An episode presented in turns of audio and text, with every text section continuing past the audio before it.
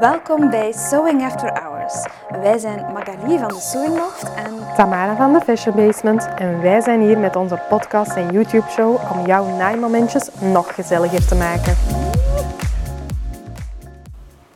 Welkom bij alweer een nieuwe aflevering van Sewing After Hours. Vandaag gaan we het hebben over je sewing mojo terugvinden, want laat ons eerlijk zijn, we hebben af en toe allemaal wel eens een klein naaidipje waar dat we moeten uitgeraken Ja. en eh, een aantal tips om terug de fun in uw naaiprojectjes te zien. de fun erin te zien. Maar het gaat dan vaak ook over overwhelm, denk ik. Nee? Ja, ja, ja. ja. Eh, zowel eigenlijk in het leven als eh, op sociale media. Mhm. Ja. Dat je zodanig veel impulsen krijgt. En Ja.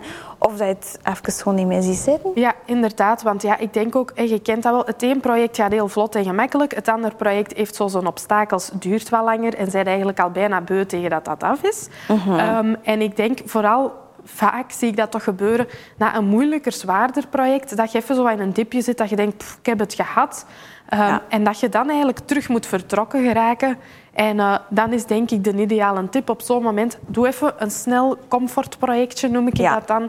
Patroon dat je kent, iets dat je weet dat dat goed gaat zitten, dat je weet dat dat snel gaat en dat je snel resultaat hebt Ja, eigenlijk. Gewoon een simpel t-shirtje, een, eh, een van Victor. Dat, eh, dat komt altijd goed, dat is rap in elkaar gestoken. En dan eh, krijg je al snel weer de, de zin om weer andere dingen te gaan doen. Hè. Ja. Ja, ja, inderdaad. Want na zo'n lang project, dan kun je even gewoon er genoeg van hebben. Dus dan is dat instant succes is nog een goeie om Ja. terug vertrokken te geraken. Hè? Ja, of als je voelt van pff, Ja. die energie die zakt, ik heb er eigenlijk geen zin niet meer in. Het is ook niet erg voor even een pauze in te lassen Mhm. in dat project om dat af te wisselen. Zolang dat je dat niet aan de kant legt en, eh, en dat je dat dan in een hoekje doet. En Mhm. Ja. Want dan is het van, afstel komt, eh, van uitstel komt afstel. hè? afstel. Ja, en dan eh, verdwijnt dat. Hè. Ja, wat ik soms ook wel merk is dat het in de andere richting kan gaan. Dat je zo, maar dan is het t-shirtje hier en voor de kindjes is iets daar en iets daar. En je Ja. maakt maar van alles, maar dat je er zo geen voldoening niet meer uithaalt. Ja. En dan is denk ik net het gevaar dat je te gemakkelijke dingen voor je aan het doen zet en dat er geen uitdaging is, ja, dan kun je er ook geen voldoening uithalen. Dan zijn je misschien blij met wat dat je gemaakt hebt en dat dat gedragen wordt, maar die voldoening, dat is nog iets heel anders. Mhm. En dan is misschien op tijd en stond is toch een uitdaging aangaan en niet in die comfortzone blijven ook wel eens een goeie om terug wat meer ehm, drive te vinden om ervoor te gaan Ja, eigenlijk. ja, dat zie je ook veel bij beginners. Hè, van, oh, het is één sterretje in de boek. Of dat gaat lukken, maar twee sterretjes, dat gaat zeker niet gaan. Hè. Eh, dat ik dan denk, ja, ooit moet je een keer over die Ja. drempel gaan. En waarom niet? Hè? Ja. De eerste keer dat een, een, een paspelzak goed lukt, ja, de, Ja. de eerste keer had dat niet zo heel goed lukken. De tweede keer al beter. Nu, als je goede najuf hebt of goede begeleiding, gaat dat veel gemakkelijker. Maar ja, je moet daar even over. En dat is een lastig moment, maar dat is het moment waarop dat je groeit. Hè. Ja, dat is zo. En om daar dan zo wat even op in te pikken, inderdaad, in het begin is alles moeilijk.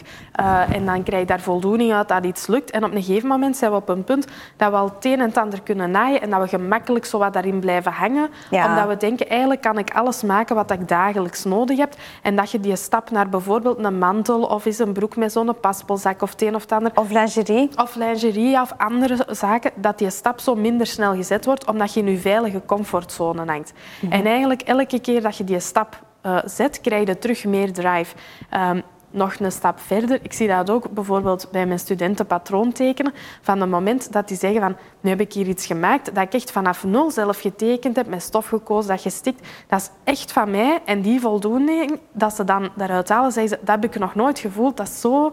Ja, ik geniet meer van het naaien, zo gezegd, omdat ik eigenlijk elke stap zelf gedaan heb. En met mijn patroon weet ik wat ik gedaan heb. zo. Ehm, maar dat bouwt op. Hè. Je gaat niet vanaf dag één naar natuurlijk dat dat, proces. is- dat is ook het verschil. hè. Als je start met naaien, dan wil je eigenlijk gewoon heel snel resultaat.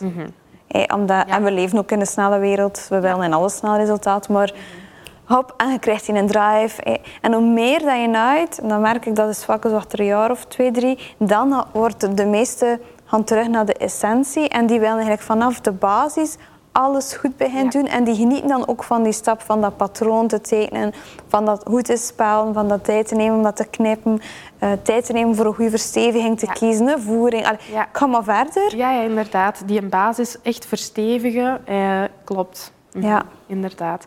En als je, als je het hebt over inderdaad dat je dan uh, al die prikkels binnenkrijgt en zo, dat is ook wel een manier om echt in die uh, dip te geraken. Ja. Want je ziet zoveel passeren dat je eigenlijk... Ja, je bent heel de tijd aan het kijken en je hebt zoveel ideeën. Op het moment dat je wilt gaan naaien, weet je niet meer wat kiezen. Hè? Nee, en dan... Uh, de magazines zijn daar zo goed als zo slecht voor. hè? Want zowel de nieuwe collecties in de winkels die komen uit, maar dan heb je ook de naaipatroon die langskomen, ja. of een nieuw patroonmerk die start, of er is een nieuwe collectie die gelanceerd wordt van stoffen. En ik krijg altijd maar die impulsen. Ja. het handigste is eigenlijk altijd oké, je mag een beetje fun-projecten doen en impulsprojecten, maar kijk ook wat je echt wel nodig hebt in je kledingkast. Ja, ja, inderdaad.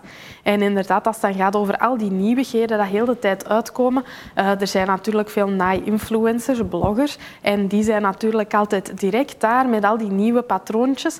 En dan heb je eigenlijk al snel het gevoel van, oh nee, ik loop achter, terwijl ja. dat eigenlijk nog maar gelijk twee dagen uit is of zo, of een week uit is, of nog niet. Ja. Um, en dan zijn eigenlijk... En dat al... is ook heel fel, bijvoorbeeld met die fiber moet Link Party, ja. om dat nu even te gaan benoemen. Ja, ja, ja. Want veel mensen die zeggen, allee, en de boek is nog maar uit en die hebben al alles kunnen naaien. En ik heb op één dag al heel de boek zien passeren. Mm -hmm. En ik snap dat dat enorm overweldigend kan zijn. Aan de andere kant zet dat even in perspectief. De mensen die daar mogen aan meewerken, die hebben al drie weken op voorhand een patroon. Ja. Die weten, één patroon moet klaar zijn tegen aan die datum. Mm -hmm. Ze hebben daar de tijd voor om dat te maken. Mm -hmm. En oké, okay, dat komt dan op je af. Uh, maar ja. Ja, ja, en het is ook, dat is niet het belangrijkste. Maar natuurlijk, nee. dat zijn altijd zo die nieuwe dingen. En dat steekt je ogen uit. En dan denk je, oh, dat is leuk, dat wil ik ook, dat wil ik ook. En uh, ja, dat brengt mij ook zo'n beetje bij het feit dat alles wat nieuw is, daar wil je sneller aan beginnen. Hè? Zo dat shiny ja. object syndrome, om het zo maar te zeggen. Ja. Je koopt een nieuw stofje en je hebt er nog vijf liggen. Maar dat nieuwste, daar wil ik aan beginnen. Want de rush bij dat nieuwste is het grootste. En die dat je vorige week gekocht hebt, ja, dat vervalt precies als je nieuw hebt. Hè. Ja. ja. Maar dat syndroom dat kan je ook gaan toepassen op het feit als je bezig bent met je project, dat kom ik altijd tegen, yes. dan ben ik uh, 70% klaar. en dan blijven zo die vervelende dingen achter, zo een zoom, knoopsgaten, knopen aannaaien. Dat vind ik allemaal niet zo heel leuk om te doen, omdat dat ook niet echt creëren is. Dat is nee. maar gewoon ja, Afwerken. doen. Hè? Ja. En um, dan ben ik al bezig aan het volgende project. En dan zou ik eigenlijk misschien dat ene projectje niet meer afwerken. Ja. Zo heb ik wel verschillende bloesjes zonder knopen. En dan Ja. heb ik dat gisteravond nog allemaal moeten aannaaien om hier te zijn vandaag. Maar goed. Ja, ja, maar dat is ook dat is heel typisch creatieve mensen. Hè? Want je bent heel de tijd bezig met het crea creatieve idee. En oh, hoe zou dat zijn en zou dat werken? En je bent eigenlijk aan het onderzoeken. En van het moment dat je ziet, ah, dat krijgt vorm en dat werkt, dan heb je die bevestiging van dat gaat goed komen, dat gaat goed zijn. Maar dan is het niet meer spannend, want het spannende deel, dat onderzoekende, creatieve deel, is er vanaf. En dan moeten nog juist afwerken en dan moeten ja, de discipline hebben om het af te werken. Want in je hoofd zijn al lang bezig met het volgende project. Natuurlijk. En dat is natuurlijk veel uh, interessanter, dat nieuw project, dan dat één af te werken dat nu nog op je tafel ligt. Hè? Mm -hmm. Mm -hmm. Nu, licht vind ik dat ook altijd een belangrijke factor is in je mojo, gaan we zeggen. Ik merk in de winter, eh, uh, ja, je gaat gewoon een beetje in een, in een winterslaap. Ja. Je voelt je energie is wat lager.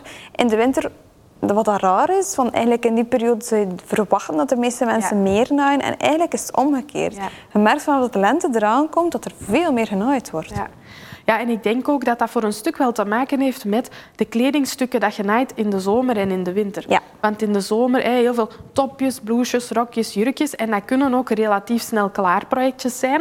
En in de winter zit er meer in, ah, maak ik een rok of een jurk, daar ga ik al waarschijnlijk voeding moeten inzetten bij dat stofje. Of een broek, en dan is er daar ook wel wat Ja. angst over. Of een mantel. Hè. Dat zijn ook Inderdaad. allemaal grote projecten om te gaan maken. En in de winter dan doe je wel eens een t-shirt en een trui. Maar je kunt niet alleen maar t-shirten en truien maken, maken eh, zes maanden aan een stuk. Hè. Nee. Allee, dat geeft op den duur op. En ook zoals eh, de momenten dat de nieuwe collecties binnenkomen. En dat vind ik zowel in het voorjaar als in de zomer, zo gezegd. Als in januari de zomer begint binnen te komen.